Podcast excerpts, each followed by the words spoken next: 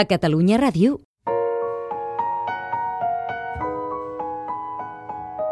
Solidaris, amb Adrià Bas. Un programa per fer memòria. Les Nacions Unides van decretar el 27 de gener Dia Internacional per a la Memòria de les Víctimes de l'Holocaust. Sota la llanterna enfront del meu quarter sé que tu m'esperes sempre, amor meu mentre murmuro el teu nom em bat el cor i et tinc present amor, Lili Marlene. Tan lluny, Perquè és el dia de l'alliberament del camp d'extermini d'Auschwitz. Era l'any 1945. A Auschwitz hi van morir entre un i dos milions i mig de persones, la majoria jueus, però també altres minories i presoners de guerra.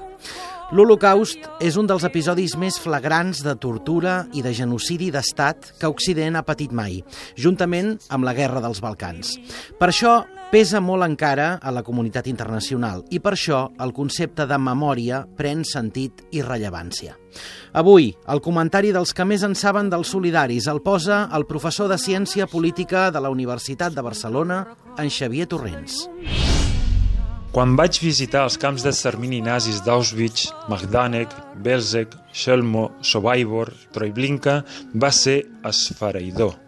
És la màxima representació de la insolidaritat i la maldat en el transcurs de la història de la humanitat. Cada any fem la commemoració del Dia Internacional en memòria de les víctimes de l'Holocaust. Tot just enguany fa 75 anys de la conferència de Wannsee, on 15 capitostos nazis van reunir-se a Berlín per coordinar millor l'anomenada solució final del problema jueu. És a dir, van accelerar el genocidi d'un milió de nenes i nens jueus, com Anna Frank, i un total de 6 milions de jueus. Van ser exterminats dos de cada tres jueus europeus. L'Holocaust inclou els dos genocidis nazis, la Shoah el genocidi del poble jueu, i el Porrahmus, el genocidi del poble gitano.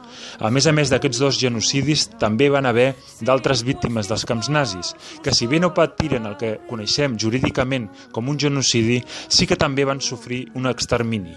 És l'assassinat dels gais, testimonis de Jehovà, discapacitats psíquics i malalts mentals, discapacitats físics i els republicans catalans deportats a Mauthausen o Ravensbrück.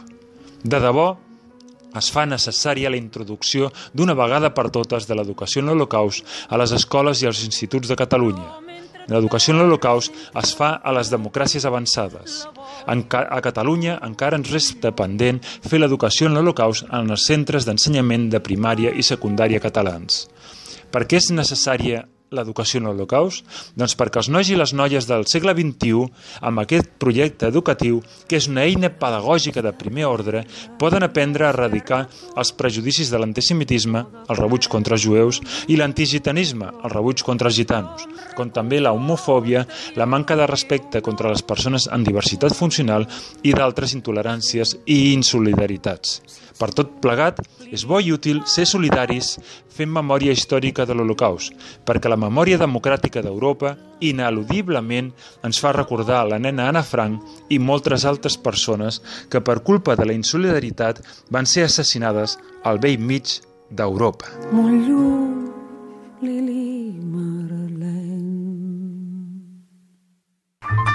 Les entrevistes, els reportatges, les seccions dels col·laboradors. Descarrega-te'ls a catradio.cat barra solidaris.